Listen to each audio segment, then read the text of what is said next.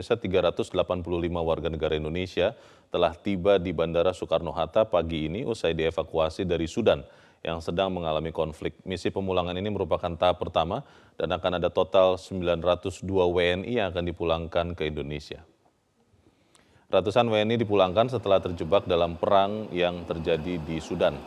WNI ini diterbangkan dari Jeddah, Arab Saudi menuju Indonesia.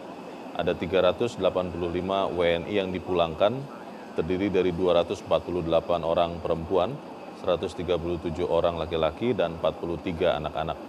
Menteri Luar Negeri Retno Marsudi mengatakan bahwa ini adalah misi pemulangan tahap pertama dan selanjutnya para WNI yang dipulangkan ini akan beristirahat sementara di asrama Pondok Gede mengingat perjalanan evakuasi yang sangat panjang dan melelahkan. Menlu mengatakan bahwa misi pemulangan akan dibagi menjadi tiga tahap dan tahap kedua akan dilaksanakan 29 April 2023 dan 30 April 2023. Penjemputan tahap selanjutnya akan menggunakan pesawat TNI Angkatan Udara. Misi pemulangan WNI dari Sudan terus dilakukan Kementerian Luar Negeri. Menteri Luar Negeri Retno Marsudi mengatakan bahwa tahap pemulangan ini akan dilakukan secara estafet, yaitu melalui proses jalan darat dari Khartoum menuju Port of Sudan. Lalu selanjutnya para WNI akan dievakuasi ke Jeddah melalui jalur laut atau jalur udara evakuasi dari Sudan ke Indonesia akan dilakukan secara bertahap. Menurut rencana, pemulangan ke Indonesia tahap kedua akan dilakukan 29 April, tiba di Indonesia 30 April, dan pemulangan tahap ketiga sekaligus menutup seluruh proses evakuasi akan dilakukan 30 April dengan menggunakan pesawat TNI Angkatan Udara.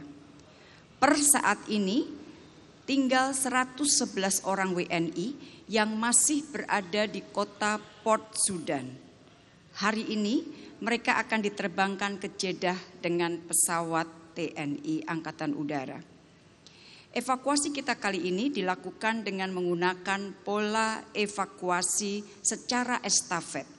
Dimulai evakuasi jalan darat dari Khartoum ke Port Sudan, Kemudian dari Port Sudan ke Jeddah, baik via laut maupun via udara, dan selanjutnya dipulangkan secara bertahap ke Indonesia. Pola evakuasi ini kita jalankan untuk merespon situasi lapangan yang sangat cair dan dinamis dan dengan tujuan untuk segera mengeluarkan warga negara Indonesia dari wilayah konflik yang berbahaya. Pemirsa hingga Kamis 27 April atau lima hari setelah Lebaran masih ada sekitar 55,8 persen kendaraan yang belum kembali ke Jakarta melalui tol Trans Jawa. Masyarakat diimbau untuk menghindari melakukan perjalanan balik pada Minggu dan Senin atau 30 April dan 1 Mei yang diprediksi menjadi puncak arus balik kedua. Hal ini disampaikan Menteri Perhubungan Budi Karya Sumadi saat memantau pergerakan kendaraan arus balik di jalan tol maupun jalan arteri. Menhub memprediksi masih ada 55,8 persen pemudik yang belum kembali ke ibu kota. Lantaran tradisi lebaran kupat di Jawa Tengah, Jawa Timur, dan Madura pada hari Minggu nanti. Tidak hanya itu, Menteri Perhubungan mengungkapkan pergerakan kendaraan di kawasan aglomerasi seperti Jakarta, Bandung, dan sekitarnya pada akhir pekan akan menambah jumlah pergerakan yang berpotensi menjadi kemacetan total jika dibiarkan. Pemerintah menghimbau masyarakat untuk memanfaatkan perjalanan balik mulai hari ini dan besok untuk menghindari kepadatan di puncak arus balik kedua, yakni Minggu dan Senin mendatang. Selain itu, pemirsa jasa marga juga telah memberikan diskon, yakni diskon tarif tol 20 persen untuk perjalanan arus balik Lebaran 2023.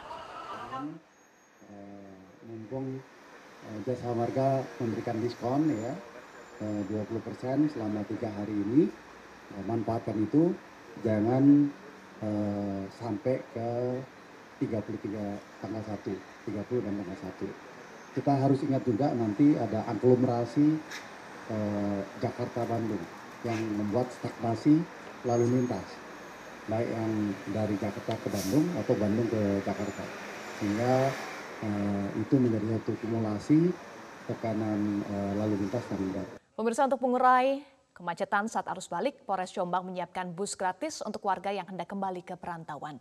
Puluhan warga yang balik gratis diberangkatkan dari halaman Mapores Jombang.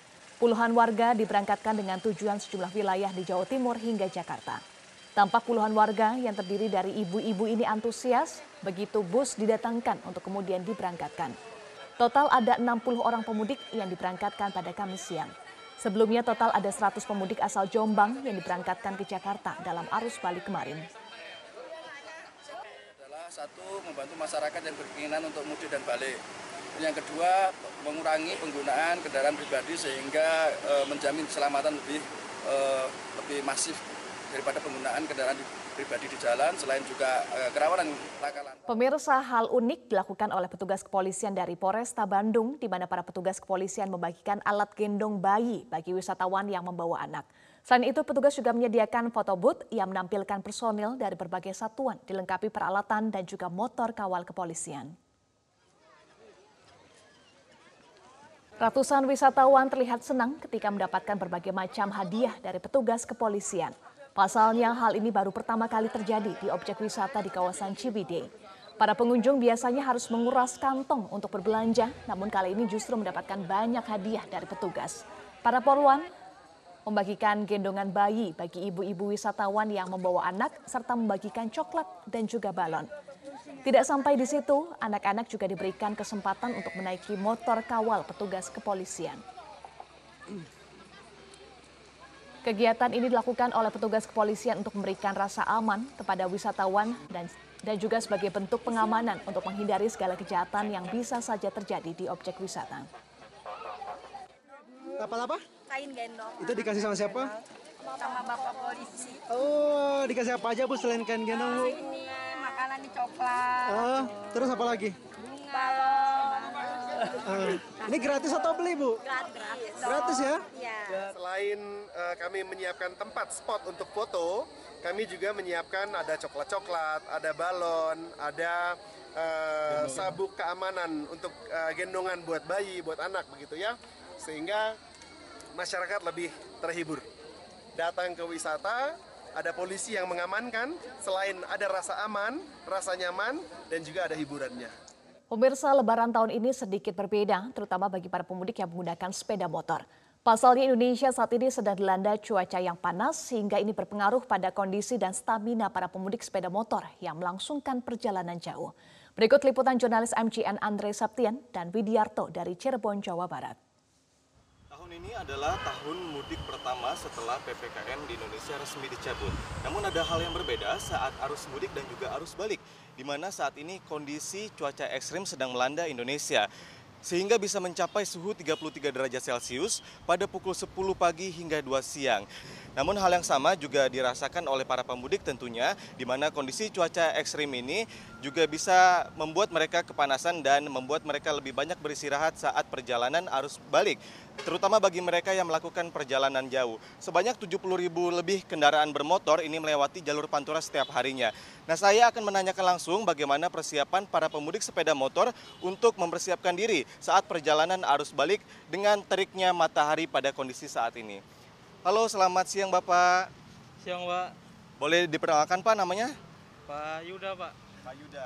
Ya Pak Yuda ini berangkat dari mana Bapak? Dari Brebes. Nah, jadi Bapak persiapan apa saja Pak yang dipersiapkan oleh Bapak dan keluarga untuk arus balik ini untuk menghadapi kondisi cuaca yang sangat panas ini Pak?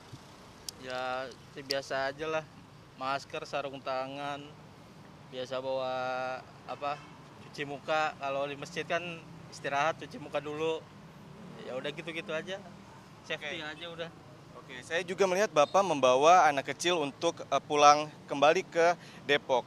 Bapak ini si adik juga sepertinya juga kepanasan. Ini untuk istirahatnya berapa jam sekali, Pak? Ya minimal setengah jam lah. Minimal. Setengah jam satu jam kita rest area dulu masjid atau pom bensin ya. Oke. Berarti juga untuk mempersiapkan air putih ini juga cukup banyak Pak ya melihat juga jangan sampai uh, kita juga mengalami dehidrasi. Dehidrasi ya. Oke, Bapak hati-hati di perjalanan. Bapak terutama dengan menghadapi cuaca yang ekstrim ini. Oke, terima kasih Bapak hati-hati di jalan. Kementerian Kesehatan menyarankan untuk para pemudik sepeda motor khususnya ini bisa mempersiapkan diri menghadapi cuaca ekstrim seperti menggunakan jaket, pelindung tangan, dan juga tabir surya atau sunscreen agar menghindari panas berlebih dengan kondisi cuaca saat ini. Dari Cirebon, Jawa Barat, Andre Septian, Widiarto, Tim Liputan, MGN.